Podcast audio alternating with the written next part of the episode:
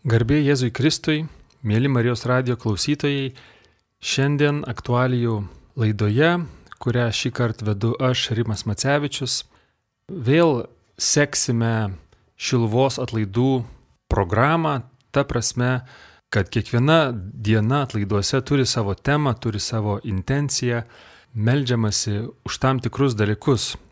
Rugsėjo 9-ąją melžiamasi už universitetų, kolegijų, mokyklų ir net darželių bendruomenės ir kartu su tomis bendruomenėmis. Ši diena Šilvos atlaiduose tai mokslo ir ugdymo diena. Man malonu pristatyti laidos svečią, literatūrologą, rašytoją, eseistą, kritiką vadovėlių, viduriniai mokyklai autorių, Vilniaus universiteto dėstytoją Regimantą Tamošaitį.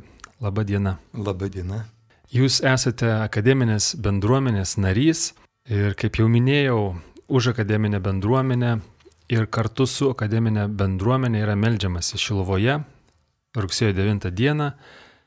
Kiek tikėjimas yra svarbus ugdymo institucijose? Taip, Šilova ir man malonu prisiminti, tai kažkokios traukos centras. Kaip tik su žmona buvome užvažiavę ten, išsukome iš e, greitkelio, kad pabūtume Šilovoje prieš mėnesį kokį, o tikėjimas ir e, ugdymo institucijos, na, tikėjimas yra svarbus, man atrodo, ir svarbus jis yra tuo ugdomojo edukaciniu aspektu, kaip jaunų žmonių samoningumo, pilietiškumo e, formavimas. Nes tikėjimas, religijos visada buvo ir bus visuomenės integravimo veiksnys. Tai be nesvarbiausias manyčiau, idėjinis bendruomenės vieningumo ir jos kolektyvinės jėgos pagrindas. Tikėjimu grindžiama sakralinių jėgų projekcija stiprina bendruomenę, nes per jį mes atrandame tą šventumą gyvenimo ir pasaulio, o tai teikia pasitikėjimą ir jėgos. Be to, turint omeny jauną amžių šitų institucijų žmonių, tai jų tikėjimas dar neturi to mistinio, soteriologinio aspekto, kuris, sakyčiau, šiaip ar taip atitraukia e, individuo sąmonę, stabdo jo pilietinį aktyvumą, kreipia jo mintis anapus. Mokslo srityje, institucijose žmonės dar yra jauni ir jiems tikėjimą reikia kaip kažkokios kolektyvinės egzaltacijos, suteikiančios socialinio saugumo jausmą, gyvenimo perspektyvas. Galų galia tai tikėjimas prasmingų gyvenimų. Todėl tikėjimas tose ugdymo institucijose kaip kažkoks foninis veiksnys šalia pagrindinių disciplinų, man atrodo, yra na, svarbus ir, ir veikiantis, nematomai veikiantis, ugdantis, formuojantis, stiprinantis, konsoliduojantis. Vis tik kartais jaučiasi, kad akademinėje aplinkoje pernelik atviras tikėjimo minėjimas galbūt ar tikėjimo raiška yra galbūt nepageidaujama. Kaip universitetinėje aplinkoje priimamas krikščionis dėstytojas, studentas, ar jie gali atvirai, laisvai reikštis, ar turi kažkaip, nežinau, prisilaikyti, ar, ar tam tikrą etiketą, jeigu taip galim pasakyti šio klausimu, E, praktikuoti. Taip, supratau tą. Man e, šis klausimas irgi daug metų rūpėjo ir požiūris keitėsi nuo sovietinių laikų per nepriklausomybės atgavimą. Šiaip akademinėje aplinkoje, kiek tenka matyti praktikoje, tas e, krikščioniškumo aspektas yra vertinamas neutraliai, nes priklausimas vienai ar kitai konfesijai nėra akademinio gyvenimo reikalas. Todėl dėl tikėjimo neturi būti nei diskriminacijos, nei nepagristo privilegijuoto vertinimo. Mes kažkaip nesidomėme, nesidomėme kolegų tikėjimais, nes tai jų asmeninis reikalas universiteto sferoje. Tai tiesiog privatu, beveik intimu, na kaip ir meilės santykiai šeimoje. Apie fundamentalias vertybės viešai nedėra domėtis ar jų demonstruoti. Na, čia mano požiūris. Bet apskritai manau, kad dėstytojo ar studento krikščioniškumas yra vertinamas palankiai nors nedemonstruojamas, bet vertinamas. Nors tai kiek ir komplikuota yra. Krikščionis bus patikimesnis kaip moralinis subjektas, bet mokslinio požiūrį žiūrint, jis jau yra angažuotas su iš ankstinėmis nuostatomis. Socialinių mokslų srityje jo konfesinis statusas yra problemiškas klausimas. Bet gali būti ir tokių dėstytojų, kurie krikščioniškumą demonstruoja dėl konjunktūrinio motyvo. Na, gali būti tai kai kam naudinga karjerai. Tačiau apskritai, bent jau iš mano patirties, kai pamatau studentą bažnyčioje ar dėstytojus, e, mano nuomonė yra labai gera apie juos. Reiškia, jie turi, turi kažkokią prasmės paieškas, kažkokius vertybinius pagrindus, Ir ypač gerai, kad jie tai nedemonstruoja savo akademiniam gyvenime, akademiniam pasaulyje. Nes, kai matau per mišes e, savo kolegas kai kur, vienoje kitoje bažnyčioje, tai man, na, yra, su, sukelia gerą tokį įspūdį. Ir, ir kai studentai, Nes e, esu iš tų laikų, kai buvimas bažnyčioje buvo kažkoks lyg gėdingas reikalas, nes tu tiki kažkokia bobučio praktika ir turėtum ieškoti kažkokių racionalesnių e, santykių su transcendencija kelių, e, ieškoti kažkokio misticizmo, bet laikai pasikeitė ir, ir mes esam drąsesni, drąsesni ir paprastesni. Tai grįžtu prie tokio apibendrinimo, kad universitetinėje aplinkoje tavo tikėjimas yra tavo reikalas ir demokratinė visuomenė, dėl, tu, dėl jo tu neturi būti nei, nei išaukštinamas, nei segreguojamas, nei atskiriamas. Man atrodo, kad pas mus yra sveiki santykiai, sveiki santykiai mūsų akademiniai bendruomeniai. O religinė praktika, ritualai, apėgos, jie, jie yra kokiu nors švenčių metu, kad ir rugsėjo pirmąją arba dar pažymint kokias nors datas, tai akademinė bendruomenė, sakykime, jaunų bažnyčiai, tos apėgos sutelkia, sukviečia. Jeigu jų nebūtų, kažko akademinis pasaulis neturėtų būti pasaulytiškai vienmatiškas. Ką reiškia būti krikščioniu ir mokslininku? Jūs minėjot, kad galbūt yra, galbūt krikščionis gali turėti kažkokį tai iš ankstinį angažuotumą, juk mokslininkas turėtų būti kritiškai nusistatęs žmogus, kad galėtų tyrinėti, kelti klausimus, kaip tai yra suderinama. Na, pirmiausia, kaip jau užsiminiau, mokslininkas savo konfesijas neturėtų demonstruoti, ką čia daugiau pasakysiu. Na, nebent Evangelijos žodžiais, kad žmogų pažins iš darbų, o ne iš žodžių. Nes žodžiais mes galime deklaruoti kažin ką, ar apsimesti, sakykime, jėriukais tokiais. O krikščionis mokslininkas gali būti ir kaip fariziejus tipas. Tie dalykai nėra labai e, jungiami.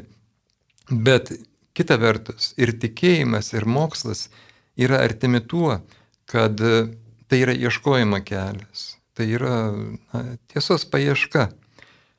O tikėjimas moksliniai veiklai turi suteikti daugiau moralumo, žmogiškumo, nes kitaip protas gali būti luciferiškas.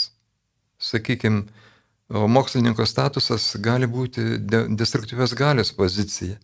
Juk moksliniai laipsniai, akademinis statusas suteikia jėgos valdyti, manipuliuoti, tai tam tikra pavojinga moralinių požiūrį sfera.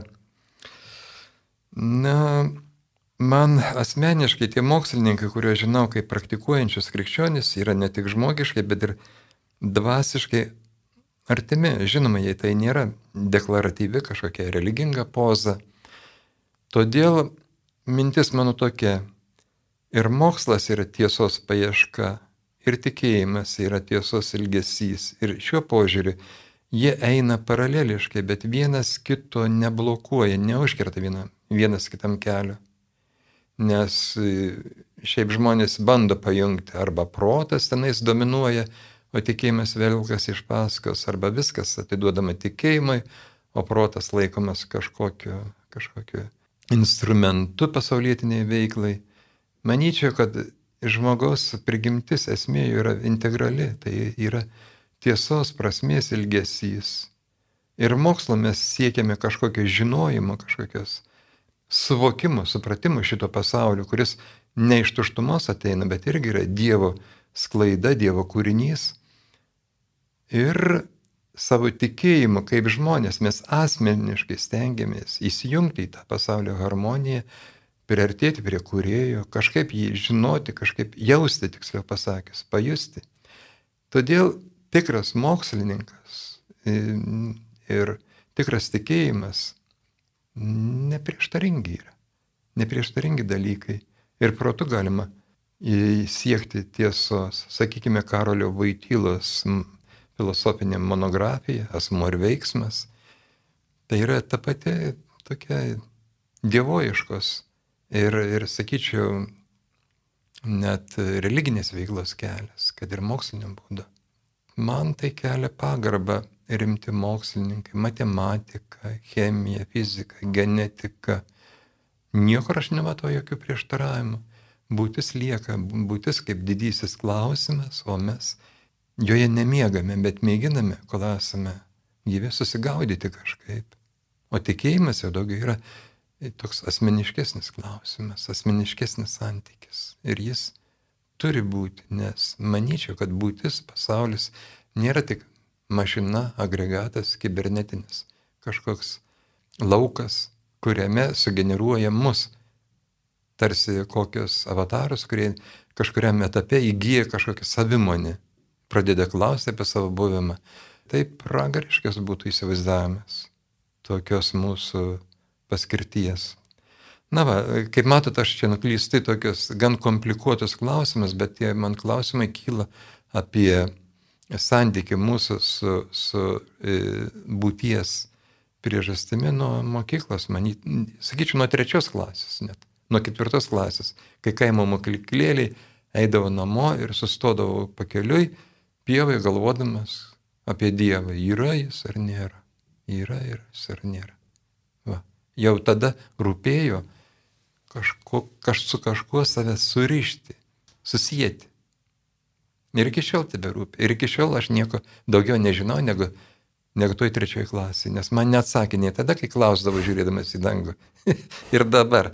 Na kaip ir Blėzas Paskalės, kad šis pasaulis yra baugus juo, kad jis nei, nieko nepasako nei taip, nei ne apie e, aukščiausiąją priežastį. Bet aš manyčiau, kad tai ir yra mūsų laisvės pagrindas. Nes jeigu būtų suteiktas kažkoks galutinis atsakymas, mes nebebūtume laisvi, neturėtume pasirinkimo ir gyventume iš kažkokios baimės ir tiek. O dabar esame apdovanoti nuostabiu pasauliu, kuris yra stebuklingas, jeigu mes nepamirštame per kasdienybės rūpešius, kad esame gyvi ir kad viskas yra aplinkui ir kad mes galim kalbėtis ir kad mes turim sąmonę. Taigi esame tame stebuklingame pasaulyje. Ir jis yra džiaugsmingas tuo, kad turi perspektyvą, turi viltį. Jis yra kažkas, mes esame.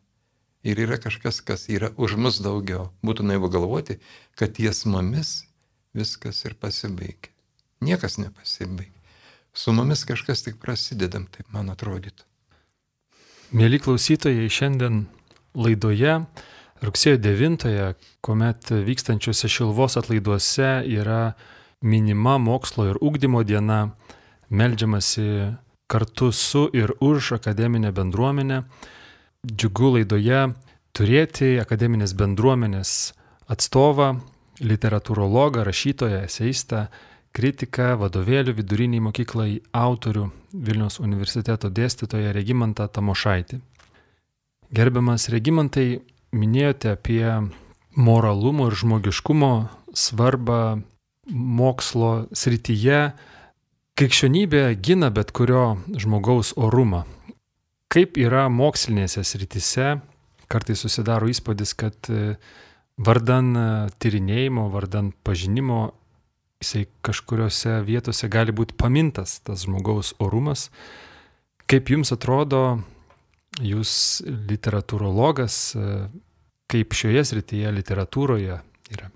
Ką galiu atsakyti, man atrodo, kiekvienas mąstantis panašiai turėtų mąstyti, bet per savo tyrinėjimus padariau tokią išvadą, kad iš krikščionybės išauga visa žmogaus vertės ir jo laisvės ideologija. Apskritai, krikščioniškoji vakarų civilizacija yra personalistinė, subrandina personą. Vėl prisimenu asmuo ir veiksmas, Karolio Vaitylos veikalą. Krikščionybė sukūrė vakarietiškąjį asmenį. O mokslai būna dviejopi, tyriantys reikšmės ir prasmes. Reikšmės tai gamtos faktų sritis, o prasmės žmogaus gyvenimo esmės tyrinėjimas. Tas tyrinėjimas žmogaus gyvenimo tai ir jo vertės kūrimas. O jei žmogus yra ne tik gamtos faktas, bet ir kažkokios prasmės objektas, tai jis netelpa tik gamtoje, jis turi kažką iš aukščiau. Todėl humanitariniai mokslai iš esmės yra sakralumo paieška, ypač literatūra. Esminis literatūros tikslas - žmogaus vertės teigimas, meilė žmogui. Ar ne tokia ir e, Kristos yra motivacija, auka jo? ant kryžiaus iš meilės žmonijai, nes kitokių tikslų pragmatinių ar dar kažko e, šiame įvykyje didžiajame, tai e, jo įsikūnime ir nerastume. Taigi antihumaniška literatūra neįmanoma kaip menas. Žmogaus vertė tai jau ne vien gamtiškas kilmės. Iš fizinio žmogaus kūno, tarkim, e, kiek domėjausi gamtos mokslas, kiek jame visokių elementų yra, Galima pagaminti vieną vinį, dar visokių ten elementų, bet tai juk nėra žmogus, nėra asmuo. Jo vertė kažkur kitur. Manyčiau, kad grožinė literatūra tai paralelinis būties šventumo planas. Tai paradigminė struktūra. Vaizdingai pasakius, religija, teologija nuleidžia žmogų jo buvimo prasme iš viršaus, kaip apreiškimą ir atveria jam transcendencijos perspektyvą. O pats žmogus tos prasmės ieško pats irgi, per kūrybą kildamas aukštyn, link universaliųjų vertybių. Čia kaip Saliamono žvaigždėjai, jos simbolizmas. Iš viršaus leidžiamasi ir iš apačios kylama, o ten, kur susitinkama, ten harmonija, kur dieviškumas ir žmogiškumas susitinka. Bet tokios ant gamtinės perspektyvos grožinė literatūra būtų tiesiog jausmų pornografija, pririšanti žmogų prie kūno ir prie klinos kapo dobės. Taigi prasmė arba šventumas leidžiasi, ateina iš kažkokių aukštumų, kaip biliūno e, apsakėme, ant aukšto stataus kalno pasirodė stebuklingas žiburys. Tai yra evangeliška metafora. O žmogus savo jėgomis ir savo laisva valia siekia to šventumą, kopdamas aukštyn, keisdamas save. Taigi, jeigu jis būtų žmogus, tai gelbėjimas iš aukščiau, o pats nieko nedarytų, tai nebūtų laisvas. Tiesiog išgelbėtas ir tiek. Jis neturėtų vertės, nes kaip vergas. Na, tai krikščionybės alfa ir omega žmogaus laisvas pasirinkimas. Ir ne tik joje, sakykime, Bagavad Gytoje tai aiškiai pasakyta. Žmogus gauna mm, kažkokias šventas tiesas, žinojimą, o tada jau gali rinktis. Be pasirinkimo laisvės nėra žmogaus, jis yra tik vergas. O žmogiškasis orumas, na, tai kaip jau grįžtų prie šitos minties, e, dažnai abejodamas ar kokia nors, sakykime, liturginė veikla, praktika ar įvairiomis krikščionybės konfesinėmis kryptimis, kai kyla abejonė, prisimenu vieną dalyką. O kas būtų be krikščionybės? Koks būtų pasaulis? Kokia būtų civilizacija? Ir suprantu, kad nebūtų asmens, nebūtų humanizmo, nebūtų viso to, kas išauga iš šitos. Na, tai yra e, sudėtinga ir painu, gali atrodyti, kad aš čia išaukštinu tik tais vieną konfesiją, bet ir krikščioniškai teologinė yra kalbama apie prigimtinę religiją, kuri yra e, būdinga visoms kultūroms, visoms bendruomenėms, nėra žmonijos be, be kažkokio transcendencijos siekio, nėra žmogaus be tikėjimo. Vienokia žmogus be tikėjimo kažkoks, na kaip gyvūnas, man atrodo. Vienokia ar kitokia jis turėtų turėti tikėjimą, bent jau netikėjimą, įsitikinimą kažkokį, o visa kita yra mūsų išbandymas laikė kelionė, piligrimystė, kurioje turime atrasti na, tiesą ir save. Čia vėl nuklimsi į tokius samprotavimus, į literatūrą labai būtų galima daug kreiptis, kiek joje randame. Apskritai, e, religija ir literatūra man yra tokios paralelinės. E, žmogiškos, žmogiškojo gyvenimo sritys per religiją gauname tai, kas ateina iš aukščiau, o per literatūrą mes skelbėme apie žmogaus galimybę siekti šventumo, įveikiant savo nuodėmingą egoistinę prigimtį. Literatūroje daugiau nieko nėra. Kaip tik žmogaus egoizmo įveikimo pastanga, vardan kažko. Literatūra yra mokymas apie auką. Taip kaip ir krikščionybės svarbiausias įvykis ir Ir misterija yra aukos misterija, aukos įvykis. Gebėjimas įveikti savo, na, tą prigimtį žemesnį, iš kurios, kaip ten Kantas sakė, visa žmonė sudaryta iš kuprė, iš kurių dar ne vienas nebuvo ištiesintas, bet, bet mes turime tą šventumo perspektyvą, turime galimybę, turime tikėjimą. Tikėjimas, viltis ir meilė. Čia labai gražiai susideda šitos krikščioniškosios tiesos. O be kita ko, e, kaip literatūrologas ir teksto interpretatorius ir šioks toks religijos žinovas galiu pasakyti nuo savęs, kad malda tėvė mūsų yra tobuliausia, tobuliausias žmonijos sukurtas tekstas, kuris mus suriša su tuo, kas yra aukščiau mūsų. Kame tas tobulumas šios maldos? Oi, ten taip viskas yra pasakyta. Galėčiau frazę po frazės aiškinti, bet bijau prie to aiškinimo artėti, nes tai būtų šiokia tokia pretenzija ir profanacija, kad protu noriu išaiškinti. Bet savo aš stebiuosi ir neatsistebiu, kaip tai tobula ir viskas ten yra pasakyta šitame tėve mūsų. Tokia žinia ir, ir, ir veiksmas per žodį. Nes žodis jis kuria, jis keičia mus. Kai tai kalbame, manau, na, kažkas vyksta. Ir tai, kas vyksta, na, yra tikra. Apskritai, dalyvaudamas mišiuose, aš siekiu išjungti protą, neprotauti, negalvoti apie visokius simbolius, nes kad ir kiek giliai suvokčiau tai, kas vyksta, visa tai yra žmogiška, ribota ir iš esmės tai yra mano aklumo forma. Todėl stengiuosi nutilti ir būti. Nutilti ir būti žodyje ir veiksme, kuris, na, mane išlaisvina iš mano paties. Nes kol dar aš esu, aš esu uždaras, kažkoks o toks ribotas, turintis kažkokios savimėlės. Sanskrite tai vadinam ahankara, individuacijos principas, uždarumas, bet per žodį, per auką aš nuolat stengiuosi pakilti virš savęs. Todėl yra teorija ir yra praktika. Liturginis veiksmas yra būtinas, kad jame dalyvautume. E, dalyvautume savo gilesnė esmė, o ne paviršime. Gyvenimas mus labai painioja visokias veiklas, e, priverčia pamiršti, dėl ko mes esame. O dėl ko aš, apskritai pasakysiu, ir nežinau tas trečioji klasė išduotas klausimas tebelieka neatsakytas. Tebelieka taip. Bet jis e, vis gilesnis darosi. Filosofas Kantas yra e, rašęs, kad žmogui yra svarbu ne tiek žinoti atsakymą, bet kiek formuluoti klausimą. Mes galim tik klausti kuo giliau klausime, tuo arčiau mūsų atsakymas, bet mes visuomet gyvenantieji liekame klausimo pusėje, o atsakymas eina iš transcendencijos.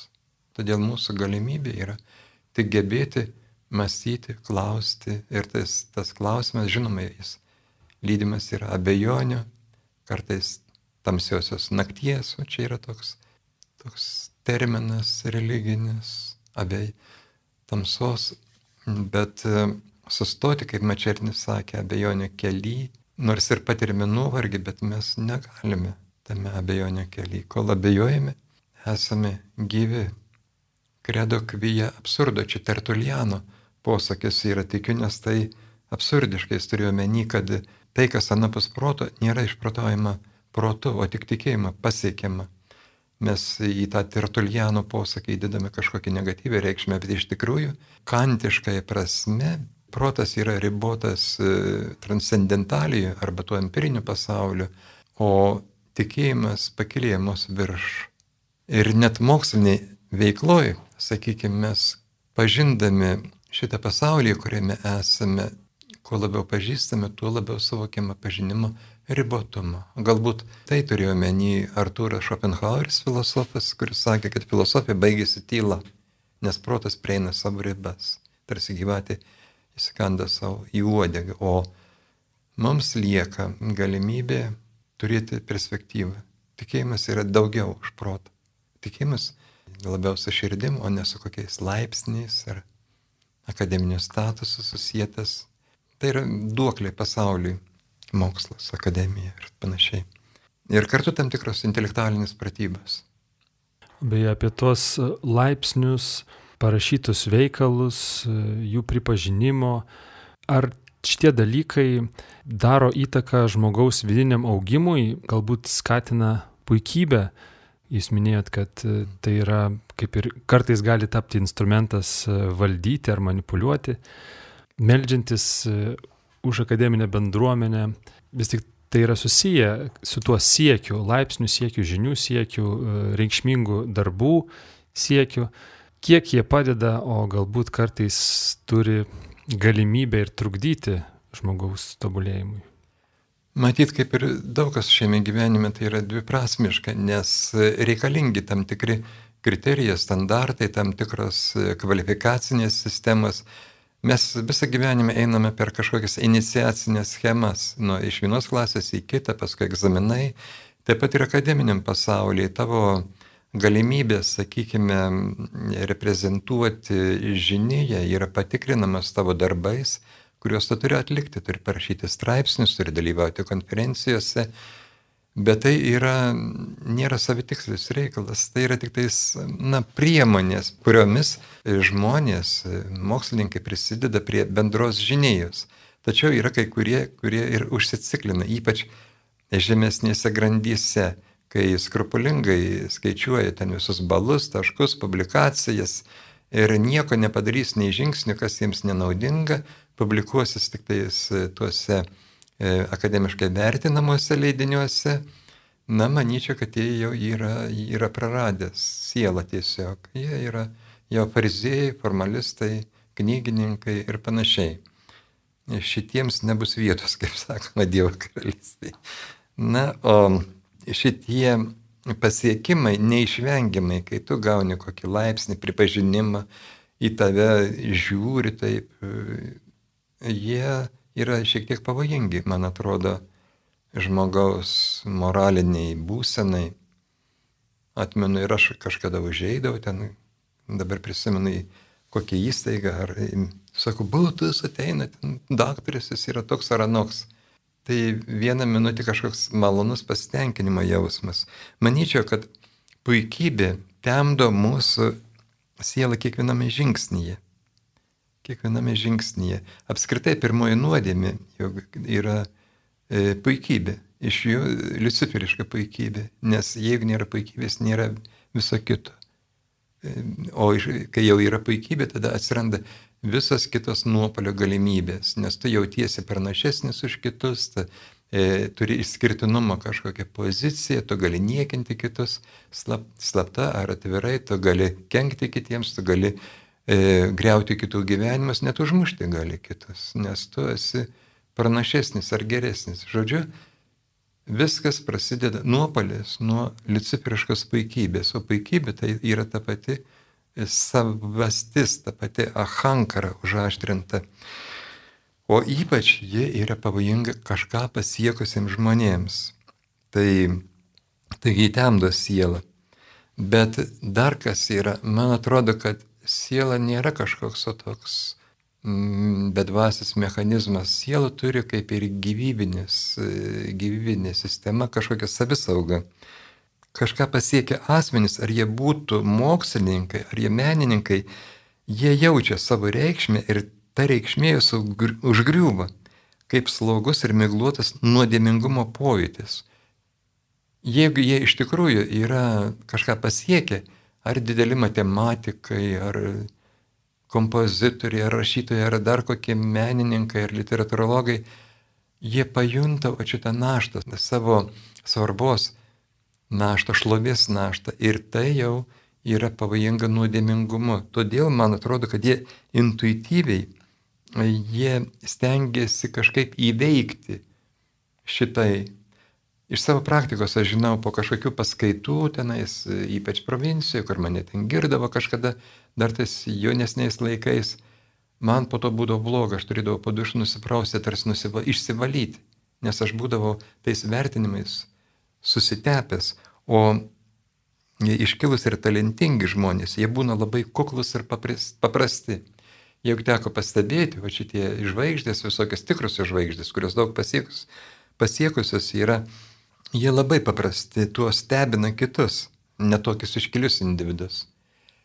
Nes jeigu primityvus žmogus dėl kokio, nors pripažinimo jis ima iš karto pūstis, puikuotis, didžiuotis, o tikri talentai, jie tarsi atgailauja jie tarsi atgailauja dėl jiems tekusios svarbos, nes tai yra ir našta, ir kaltė.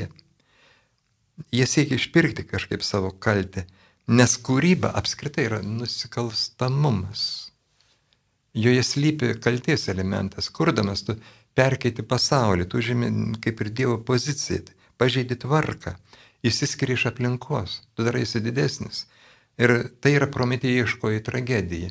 Todėl Jeigu nesišviesa žmonėms, neši ugnį, tai aukok ir savo kepenis. Aukok ir savo kepenis. Būsi prikaltas prie olos, tave draskys ir tu tokiu būdu išpirksi, atpirksi save. Bet juk e, kurdamas žmogus e, ir žmonės e, skatinami kurti dažnai lik, lik, būtų, lik darytų šventą veiklą. Lik šventą, lik būtų kurėjo tai. iš didžiosios raidės bendradarbiai. Tai yra pretenzija, tas kūrybingumo sušventinimas. Ir tai atsirado moderniaisiais laikais su individualizmo iškilimu. Tai yra tokia romantinė mitologija, kad kuriejas yra menininkas, per kūrybą atsiveria jo dieviškoji esmė, per jį transliuoja E, aukštesnės jėgos, kažkokia valia. Romantikams tai yra būdinga.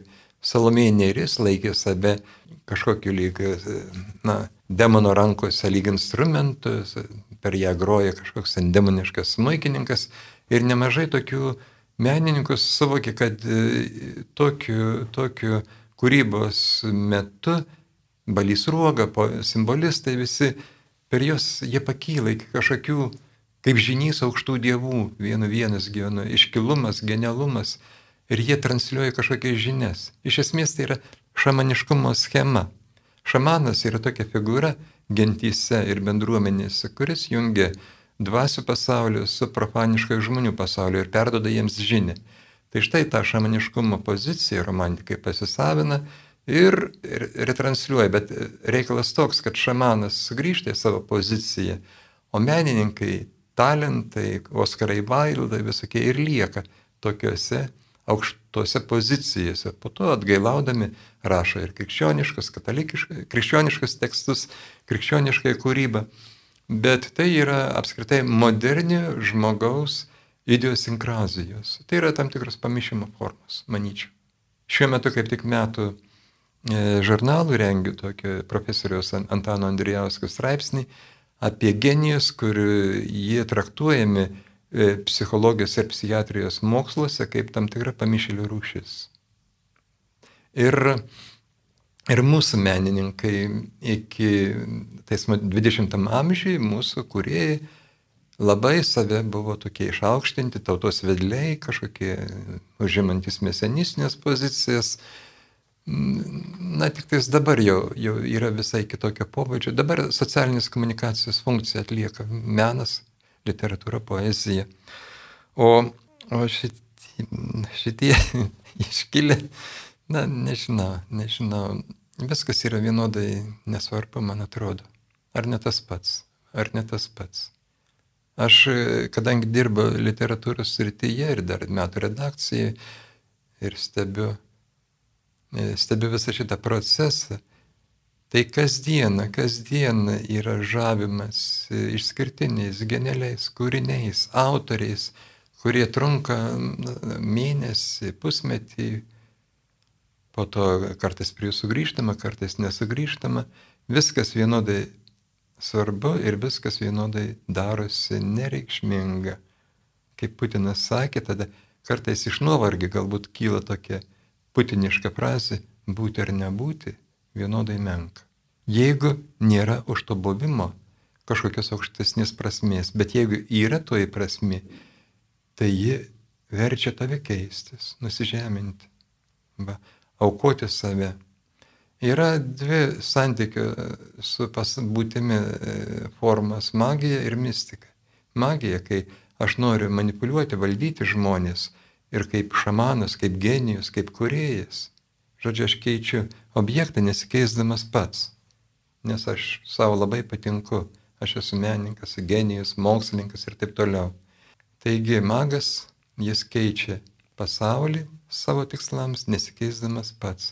Mystikas, kuris per nuojautas įžvelgia savo buvimą priežastį kaip aukštesnį už save, trokšta ryšio su ja, trokšta vienovės, trokšta su ja sugrįžti, bet tam turi pasikeisti, turi išsivalyti iš savo nuodėmę. Todėl mistika yra, kai tu keiti ne pasaulį, ne žmonės, bet pirmiausia keiti save. Ir tokia kūryba, kurioje kuriejas užmiršta save ir jaučia pagarbą gyvenimui, žmogui, daiktams, viskam, ji yra išliekanti, nes ji yra susijusi su tuo, kas yra tikra, o tai, kas tikra, nenyksta. Tuo tarpu, kur individas vienaip ar kitaip ekshibicionistiškai demonstruoja savo artistiškumą, E, virtuoziškumą, jis ir praeinantis, nes viskas, kaip jau sakiau, šiame plane, stalo plane, vienmatinėme gyvenimo lygmenyje yra viskas vienodai ryška ir viskas vienodai nereikšminga. Norėjau tokį klausimą užduoti, ar tiesa, kad tiesos ieškantis žmogus, kas būdinga besimokantiems, mokslininkams siekiantiems e, mokslo aukštumų, žinių, supratimo. Ar tiesa, kad e, tiesos ieškantis žmogus vėliau ar anksčiau atranda Dievą? Tačiau jūs iš jūsų, iš jūsų minčių galim suprasti, kad gali užstrikti tame meistriškume, kaip minėjot, mhm. tas magija ir mistika. Taip, taip. Nes galima ateiti, sakykime, ieškant Dievo e, į bažnyčią su tokia magiškam intencijom, įgyti daugiau galios, tapti dvasingesniu tam, kad tave pajustų kiti ir kad tu jais galėtum manipuliuoti, arba patirti kažkokių jaudinančių emocijų, kažkokios mistikos. Čia Antanas Poškos, kuningas iš Čikagos, jis yra parašęs nem keletą tokių veikalų. Vienas knyga jo vadinasi Psichologinis žmogus berots. Jis ten kalba apie psichologinį tikėjimą, kad modernusis žmogus, o toks individualistas, jam yra tikra tai, kas jam sukelia psichinių e, tokių emocijų. Jeigu nesukelia, tai jis e, sako, čia netikra, čia nėra Dievo.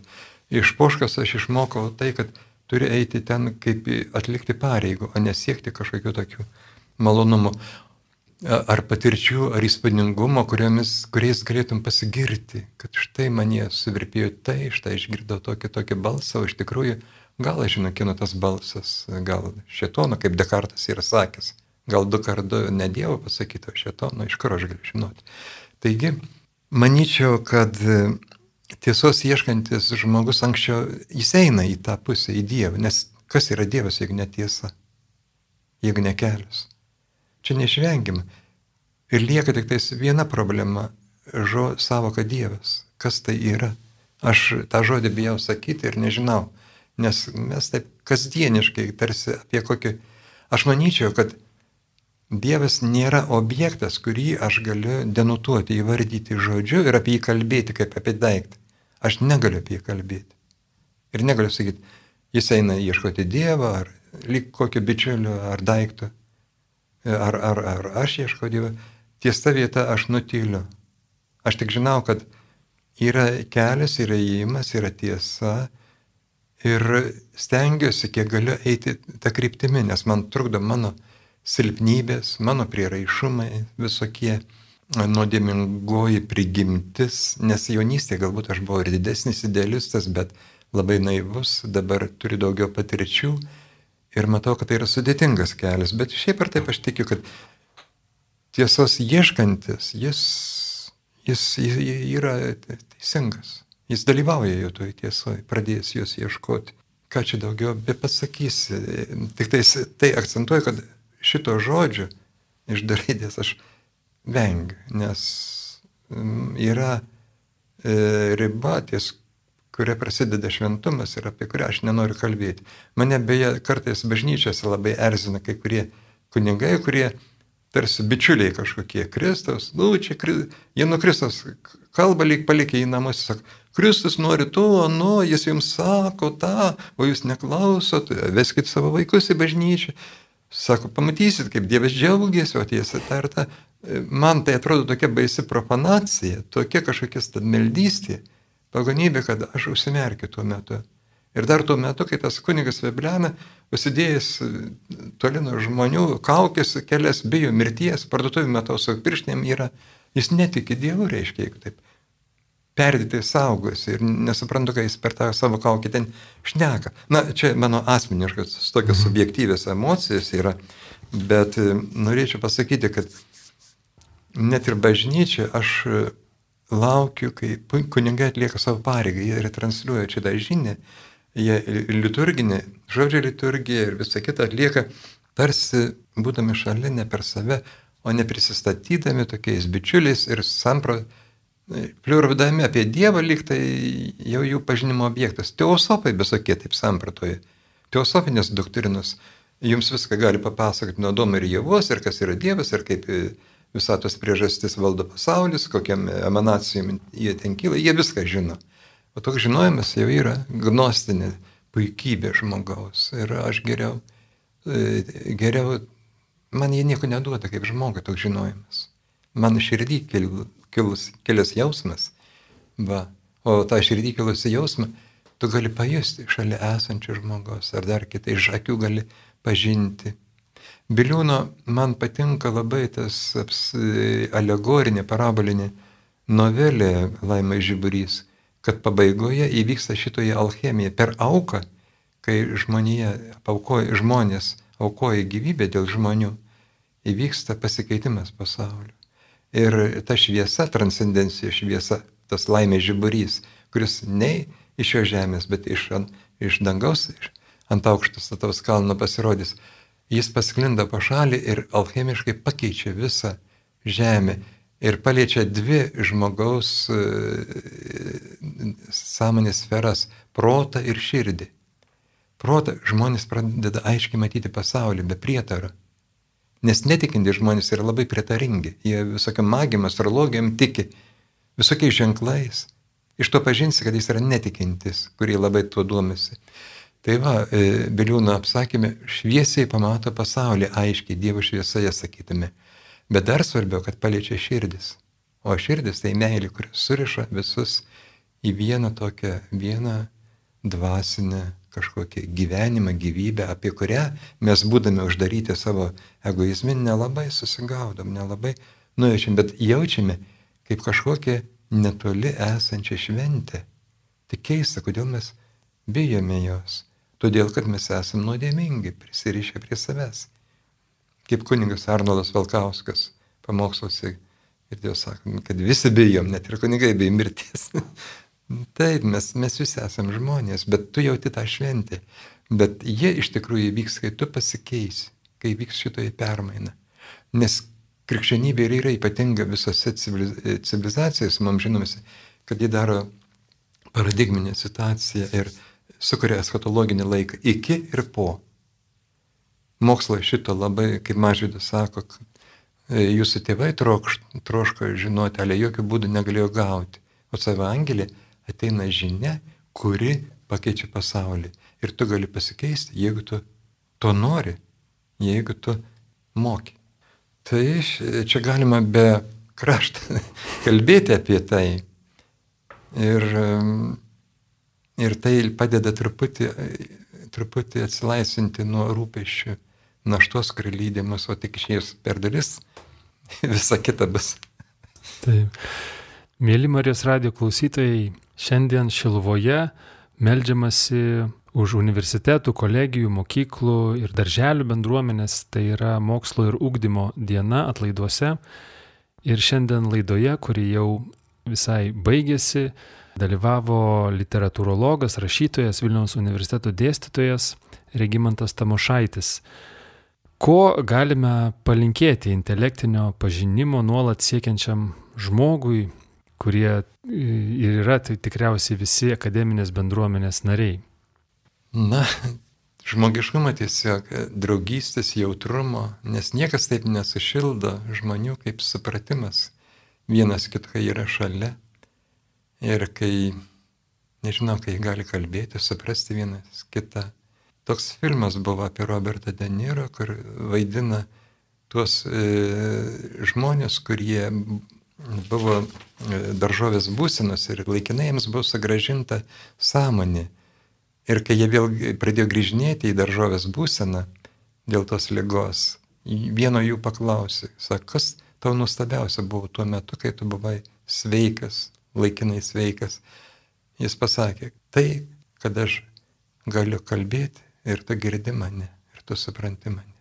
Tai yra nuostabu, kol mes galim, kol dar nesam akmenys ar dar kažkas, esam kartu būti su kitais.